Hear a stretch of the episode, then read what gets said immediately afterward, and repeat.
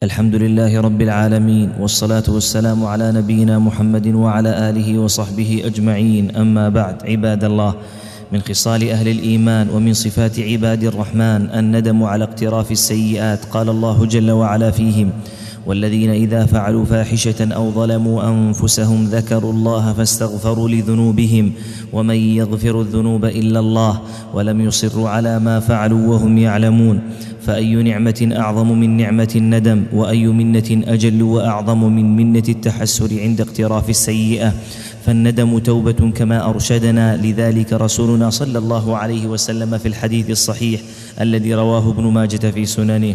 الله أكبر. عباد الله الندم كم فك الله جل وعلا به من أسير شهوة ملكت عليه نفسه وأبعدته عن ربه. الندم كم أطلق من سجين للذات وكم كسر من قيود مستعبد لهواه متأله له. من دون الله جل وعلا الندم كم أعان على خلق كريم وكم كف عن خلق ذميم. الندم كم أطفأ من نار حسد وحقد وكم منع من إساءة وظلم. الندم كم أيقظ من غافل غاش الندم كم أيقظ من غافل عاش طول عمره في الشهوات معرضا عن الله جل وعلا. وكم من عاص بسببه انتهى ووقف عن معصيته. الندم كم من واقع على منكر وقف عن منكره. وكم من زانية عفت وغانية رجعت فأهل الإيمان قد يقعون في مخالفة وقد يرتكبون معصية ولكنهم سرعان ما يندمون ويتحسرون. ليسوا كغيرهم من العصاة والمذنبين يقول النبي صلى الله عليه وسلم في الحديث الصحيح. إن المؤمن يرى ذنوبه كأنه قاعد تحت جبل يخاف أن يقع عليه وإن الفاجر يرى ذنوبه كذباب مر على أنفه فقال به هكذا أي أشار إليه فطار. فالندم على اقتراف السيئات والتحسر على فوات الطاعات من سمات المؤمنين الطائعين كما قال الله جل وعلا فيهم ولا على الذين إذا ما أتوك لتحملهم قلت لا أجد ما أحملكم عليه. تولوا وأعينهم تفيض من الدمع حزنا ألا يجدوا ما ينفقون. روي أن حاتم الأصم وهو رجل صالح فاتته صلاة العصر في جماعة فصلاها في البيت فجلس يبكي لأن صلاة الجماعة قد فاتته فجاءه أصحابه يعزونه على فوات صلاة الجماعة. فنظر إليهم وكانوا قلة فبكى. قالوا ما يبكيك رحمك الله.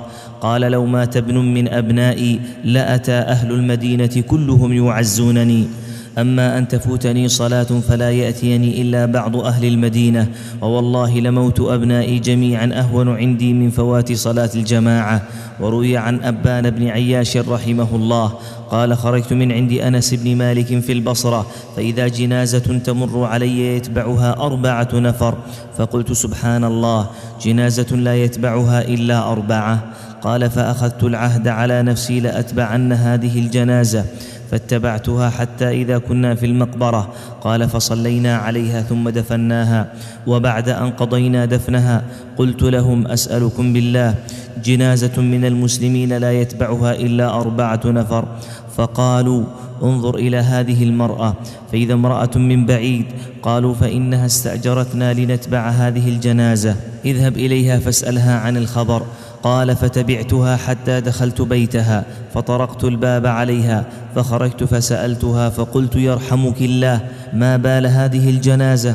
قالت هذا ابني لما حضرته ساعة الوفاة انظروا إلى الندم وتذكر المعاصي وكان عاقا لأمه.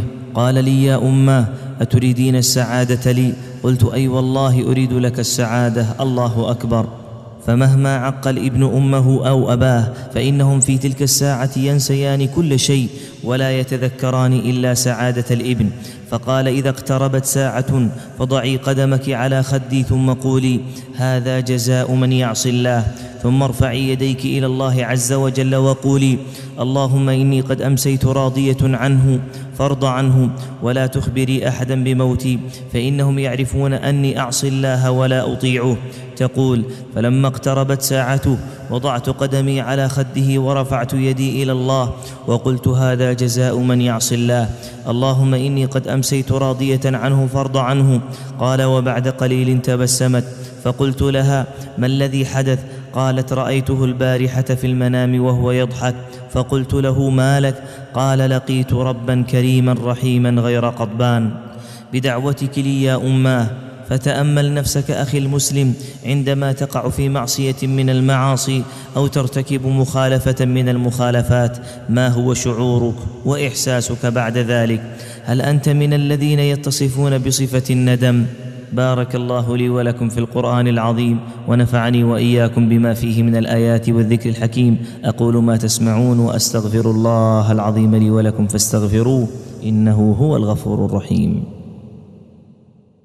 الحمد لله على إحسانه والشكر له على توفيقه وامتنانه وأشهد أن لا إله إلا الله وحده لا شريك له تعظيما لشأنه وأشهد أن محمدا عبده ورسوله الداعي إلى رضوانه صلى الله عليه وعلى آله وأصحابه وسلم تسليما كثيرا. أما بعد عباد الله فالتحسر والندم والشعور بالألم بعد الوقوع في الذنب والمعصية دليل الإيمان وميزة عباد الرحمن.